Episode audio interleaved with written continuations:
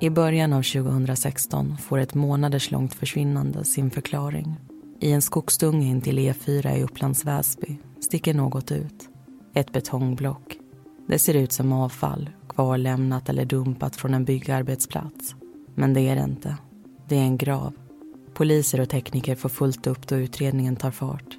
De har haft sina teorier om försvinnandet. Nu skiftas fokusen till tekniska undersökningar och nya förhör. En fundering är om gärningspersonen redan finns i förundersökningsmaterialet. En tanke som armeras då en man i offrets närhet plötsligt tycks gå upp i rök.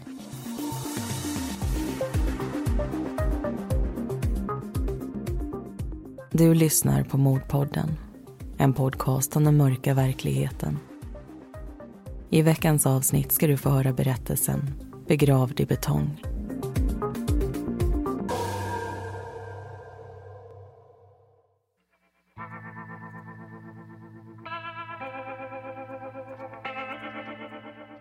Den 15 november 2015 inkommer ett samtal till polisen. En man berättar att han inte sett eller hört ifrån sin syster på över en vecka. En anmälan upprättas och flera detaljer skrivs ner. Kvinnans namn är Jenny och hon är 29 år. Sist hon sågs till var fredag morgon den 6 november. Hon hade spenderat natten hos några vänner och pratat om att åka till Märsta. Sen dess har det varit tyst från Jenny. Ingen har pratat med henne i telefon och skickade sms har lämnats obesvarade. Hennes vanligtvis aktiva sociala medier har inte uppdaterats en enda gång. Söndagen den 8 november gick dessutom polisen in i hennes bostad för att se om hon var där. Men lägenheten gapade tom. Brodern berättar att Jenny tampats med psykisk ohälsa och droger sedan en tid tillbaka. De har inte haft så frekvent kontakt men flera gånger i veckan brukade hon ringa sina barn. Att de samtalen plötsligt upphört är oroande. Han ger polisen namn på flera av dem som haft kontakt med henne den senaste tiden och berättar att Jenny antagligen skulle till Märsta för att träffa en man vid namn Hannes. En person hon tidigare polisanmält för hot. En bit ner i anmälan noteras ytterligare två saker. Att det ringts till samtliga sjukhus i Stockholmsområdet utan träff och att man fattat ett beslut att pejla Jennys mobil. Se om den är aktiv och vart den i så fall befinner sig. Tidigt i utredningen får polisen kännedom om att Hannes inte är i Sverige. Söndagen den 8 november ska han ha åkt till Norge för att arbeta. Utredarna pratar med två tidigare flickvänner till honom som bekräftar informationen. De får också tag i Hannes själv på telefon. Han säger sig inte veta något om Jennys försvinnande men de vill höra honom närmare när han kommer hem. Den 24 november beger sig polis och hundar till ett område i Upplands Väsby. Parallellt med E4 ligger en äldre och övergiven väg som blockerats med betongblock och vägbom. En bit in står en svart husbuss uppställd. Det var där Jenny spenderade natten innan hon försvann och i det här området hennes mobil senast var aktiv. Området är en blandning av barmark och skog. Det senare tar dock överhand och det är inte precis lättsökt. Hund och hundförare letar sig över stock och sten. De går fram och tillbaka i slingriga S-mönster och bearbetar stora ytor på båda sidorna om E4. Det görs bland annat en markering intill ett betongblock i en skogsdunge. Det ser ut som kvarlämningar från en byggarbetsplats och inte något intressant i stundande utredning. Det går inte heller att rubba på grund av storleken och lämnas på sin plats. I början av december pratar polisen med de vänner Jenny spenderat den sista natten med. 33-åriga Andreas och 30-åriga Sandra. Sandra berättar att hon och Andreas träffades för ungefär sex år sedan. De har ett barn ihop och en öppen kärleksrelation. Jenny var inte bara Andreas vän utan också en kvinna han hade ihop det med.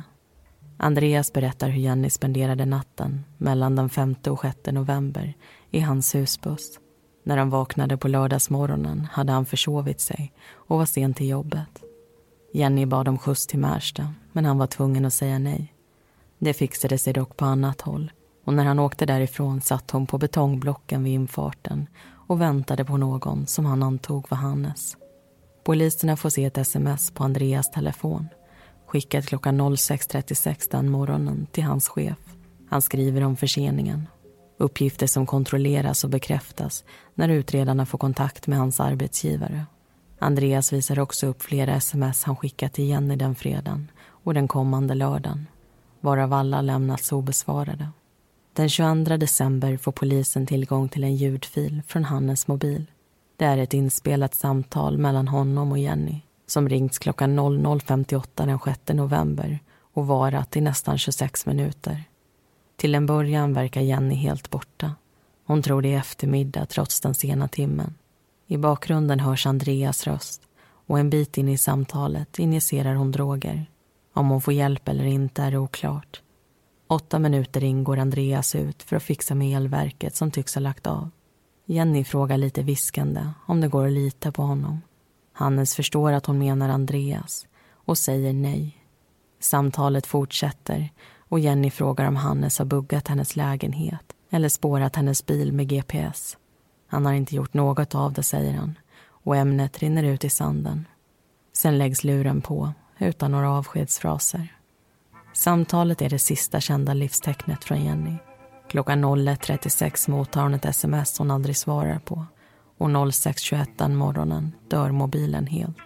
Då är hon fortfarande uppkopplad i området vid Andreas husbuss.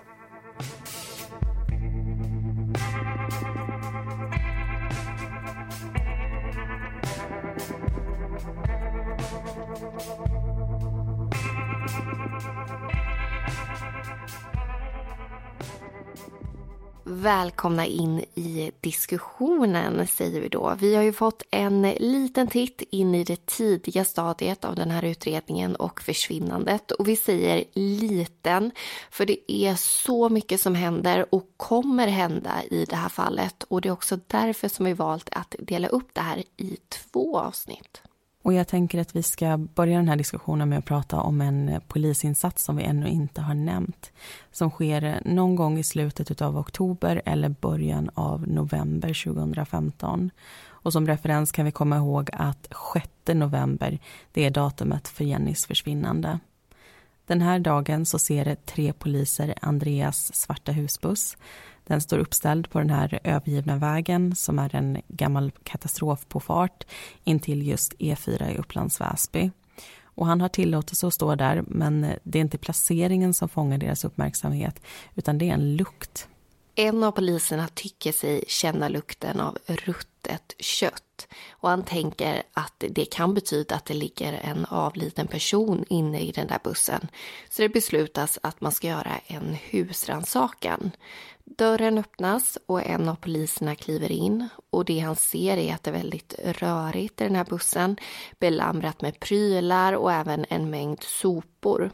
Han letar sig bakåt i fordonet där det både finns toalett och dubbelsäng och ännu mer sopor och kläder hittas men tack och lov ingen person som är i fara eller avliden. Och när den här polisen är på väg ut igen så ser han en öppnad papperssäck som ser ut att innehålla cementpulver. Och det fastnar i minnet eftersom han tänker att det kanske är gästarbetare som är aktiva i byggbranschen som bor i den här bussen.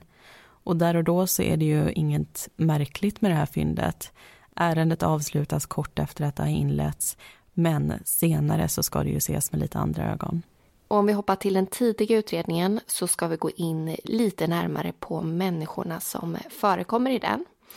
Jenny kommer vi få höra en hel del om i nästa berättelse men vi kan redan nu sammanfatta det som så att hon var 29 år när hon försvann, mamma till två barn och ensamstående sedan 2012. Och 2013 börjar hon experimentera med droger som alltså kommer få stora konsekvenser. Andreas och Sandra är ju det här paret som hon träffar strax innan hon går upp i rök. Eller rättare sagt, Andreas är det som Jenny spenderar natten med och även har en relation med. Han beskrivs som väldigt snäll av flera personer. Inte alls typen som skulle göra någon illa. Särskilt inte en kvinna som han hade ihop det med. Men tittar vi till Andreas belastningsregister så är det välfyllt. Han förekommer under 20 avsnitt och dömdes redan som 16-åring. I början så är det våldsamma brott det handlar om. Vi har misshandel, våld mot tjänsteman och till och med förberedelse till mord. Men det ligger ungefär 15 år tillbaka i tiden den här brottsligheten. Och sen byts det ut mot andra typer som bedrägeri, tillgrepp av fortskaffningsmedel, olovlig körning och ringa narkotikabrott. Och Andreas är väldigt öppen med att han missbrukar när polisen pratar med honom. Medan Sandra menar att hon inte håller på med droger trots att hon också dömts för ringa narkotikabrott. Men det här förklarar hon beror på andra personers agerande.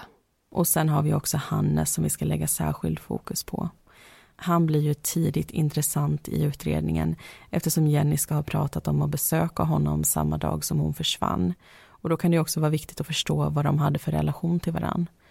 Jenny och Hannes de lärde känna varandra sommaren 2014.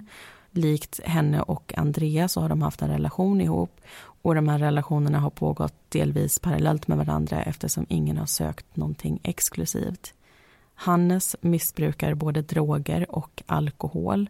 Flera personer som polisen pratar med pekar ut honom som langare till Jenny. Det pratas också om hur hon har varit i en beroendeställning till Hannes. Say hello to a new era of mental health care. Cerebral is here to help you achieve your mental wellness goals with professional therapy and medication management support. 100% online. You'll experience the all new Cerebral Way, an innovative approach to mental wellness designed around you. You'll get a personalized treatment plan from a therapist, prescriber, or both in a safe and judgment free space. Your cerebral therapist or prescriber will outline a customized plan with clear milestones along the way so you can get to feeling your best. With Cerebral, you're not alone in your mental health journey. We're here to empower you to live a fulfilling life. So take that first step towards a brighter future and sign up today at cerebral.com slash podcast and use code ACasts to get 15% off your first month. Offer only valid on monthly plans. Other exclusions may apply. Offer ends July 31st, 2024. See site for details. Vilket kommer från inspelningar som Jenny själv har gjort. Hannes erkänner att han har gett henne narkotika vid ett flertal tillfällen men det har då inte varit tal om någon betalning. Deras umgänge har baserats på att de har velat vara med varann och han förklarar Jennys beroendeställning på den dåliga ekonomin som hon har haft. Men han säger också att hon behövde någon som tog hand om henne då hon hade svårt att vara ensam och också mådde dåligt. Men det finns ju något han inte nämner som andra närstående tar upp för polisen och det handlar om rädsla, hot och misshandel. Flera har hört talas om att Hannes gjort Jenny illa, bland annat slagit henne med nycklar, jagat efter henne när hon tagit hans bil och vid ett möte så fick Jennys mamma följa med eftersom dottern inte ville träffa Hannes själv. Och sen har vi också den här polisanmälan som nämndes i berättelsen. Enligt Jennys bror så handlar det om en händelse där Hannes ska ha hotat Jenny med ett skjutvapen. Polisen får ju fatt i Hannes på telefon relativt omgående.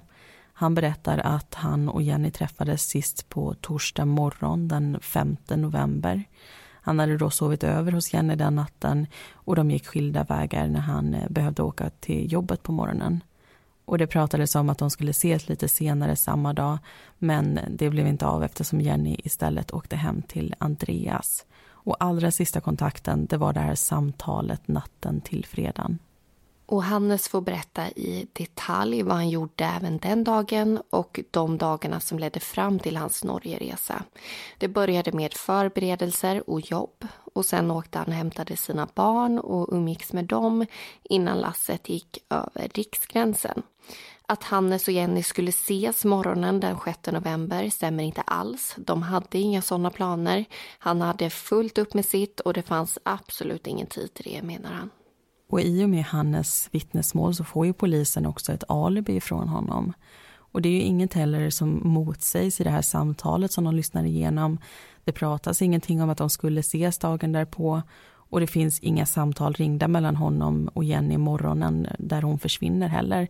Så det han säger verkar ju styrkas i det som framkommit hittills. Så att han ska ha haft något med hennes försvinnande att göra verkar ju ganska osannolikt. Och han är faktiskt aldrig misstänkt i det här fallet, även om det kanske lät så till en början. Och en sista punkt har vi att gå in på. Eh, ni som har varit med oss en tid, ni vet att fokusen som vi har, det kan skifta väldigt från fall till fall. Vissa gånger så är vi väldigt personliga, vi fokuserar på relationer och känslor och andra gånger så håller vi oss till det här tekniska, detaljrika och rent av de rättsliga aspekterna.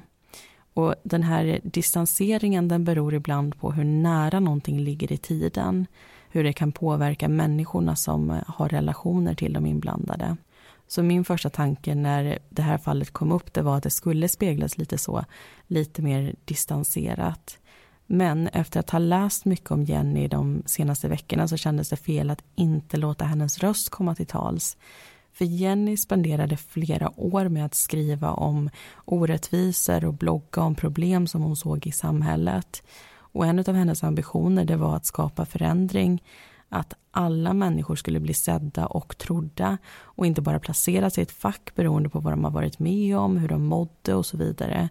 Och därför kände jag att vi måste bli ganska personliga i ett försök att spegla hennes verklighet så gott som det går. Och med de orden ska vi hoppa in i berättelsen igen. Vi ska backa bandet och lära känna Jenny.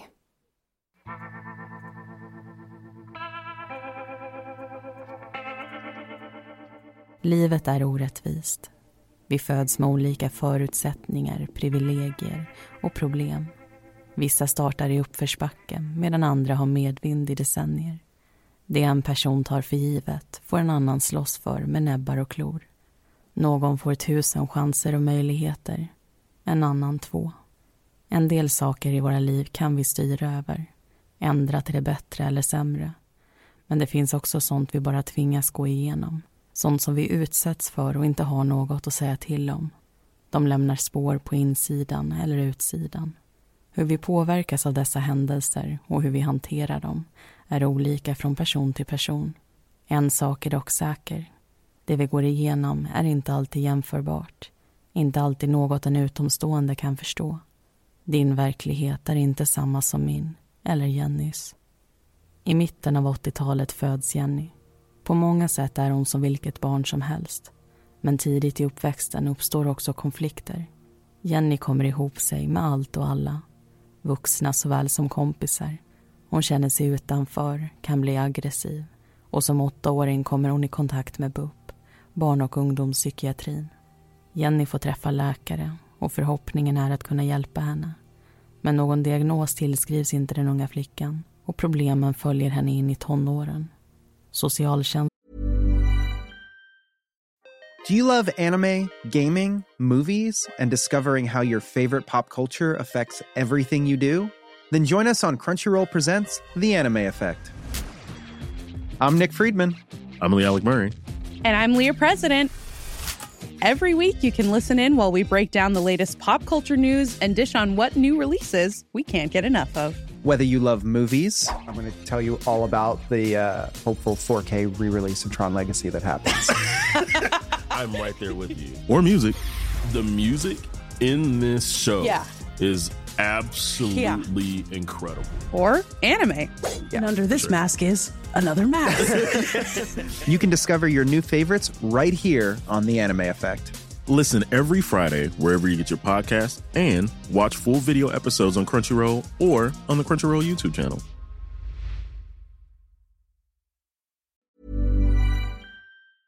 Den kopplas in och det är en jobbig situation för både Jenny och hennes anhöriga. Ingen känner att de räcker till och bråken är återkommande. 2005, när Jenny ska fylla 19 år, flyttar hon ut och in hos sin pojkvän Viktor. Hon lämnar Järfälla för det nya hemmet i Norrköping. Relationen mellan henne och Viktor är som en berg och dalbana. Ibland är det riktigt bra och ibland riktigt dåligt. Båda har en tendens att bli skogstokiga och konflikterna avlöser varann. Men de får också två underbara barn ihop och växer in i föräldrarollerna tillsammans. Efter sju år går flyttlasset till Stockholm. Enligt Viktor har de aldrig haft det så bra som då. Men bara någon månad senare vill Jenny avsluta förhållandet. Vardagen ändras och de båda ställs inför nya utmaningar. 2013 blir ett tufft år för Jenny. I hennes blogg går det att läsa om motgångarna. Hur hon förlorar sitt jobb inom vården på grund av nedskärningar, mister två vänner och blir våldtagen. Känslorna är övermäktiga. Hon går in i sin sorg och upplever att vännerna inte orkar med henne vilket leder till ännu mer ensamhet. Jenny försöker bli sjukskriven men lyckas inte. Ekonomin rasar och hon söker kontakt med psykiatrin. När en efterlängtad samtalstid måste flyttas fram blir det ytterligare ett bakslag. Tvåbarnsmamman informeras om att elen kommer stängas av om några dagar och att en vän till henne tagit sitt liv. Mitt i mörkret finns dock ett par ljuspunkter. Under våren hittar Jenny en annons om hundvalpar på Blocket. Det är ingen bra timing, men 26-åringen tar ändå kontakt med säljaren, Sandra. Hundvalpen tar hon och barnen hem på prov, men snart lämnas den tillbaka. Sandra och Jenny fortsätter dock att prata. Snart stiftas också bekantskap med Sandras pojkvän, Andreas. En vänskap växer fram mellan alla tre och är oerhört välkommen. Andreas och Sandra ställer upp för Jenny i vått och torrt. Något som inte tas för givet genom allt det jobbiga. Paret är närliggande i ålder och har barn precis som Jenny. Men relationen dem emellan är mindre vanlig. Sandra och Andreas har ett öppet förhållande. I Andreas bagage finns våld, domar och fängelsestraff. Han missbrukar droger och värderar frihet högt. Att vara fast i en relation, eller någonting annat för den delen, är han inte sugen på. Därför måste saker och ting ske på hans villkor. Medan Sandra är bosatt i ett hus håller han till i en husbuss några hundra meter därifrån. Han kommer och går för att träffa sitt barn, men vidhåller självständigheten. Snart uppstår gnistor mellan honom och Jenny. De inleder en kärleksrelation vid sidan av den han har med Sandra och i enlighet med deras regler. Av blogginlägg att döma blir Jenny förälskad. Hon har en del dåliga erfarenheter och Andreas är snäll, respektfull och får henne att känna sig sedd och önskad. Jenny är trött på att vänta på samtalstider som inte kommer och diagnoser hon inte får. I bloggen skriver hon jag har gått i fel riktning alldeles för länge utan att riktigt förstå det. Någonstans på vägen tappade jag både karta och kompass. Ingen visar vägen när man fumlar ensam i mörkret. Hon bestämmer sig för att gå en ny väg, en kontroversiell sådan. Det är ingen impuls som styr henne, utan ett påläst beslut som grundas i bland annat en vetenskaplig artikel. Och lösningen heter amfetamin. I september 2013 skriver Jenny på sin blogg om Andreas och drogen. Han är ett gift, ett rävgift, alldeles underbart toxikerande. En bit längre ner fortsätter hon. Han tar fram spruta och kanyl och jag kan inte rå för att fascineras utav hela händelsen. Jag frågar om han alltid gör det, in private. Han svarar att det självklart inte är så. Så jag frågar. Frågar om jag får vara med och titta när han injicerar. Och det får jag. Samma dag testar också Jenny amfetamin för första gången. Självmedicinering som hon ser det. Ett medvetet beslut som kommer få konsekvenser hon inte kan ana.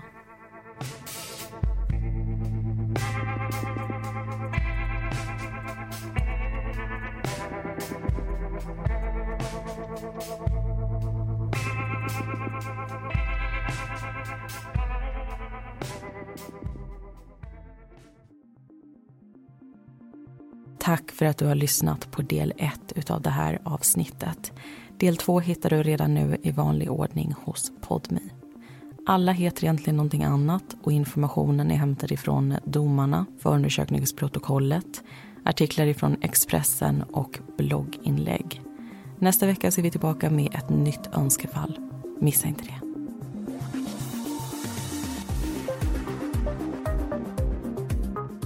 Vi som gör Mordpodden heter Linnea Bolin och Amanda Strömqvist. Bakgrundsmusiken är Lasting Hope, Lightless Dawn och Soaring av Kevin MacLeod samt Deep Space av Audionautics.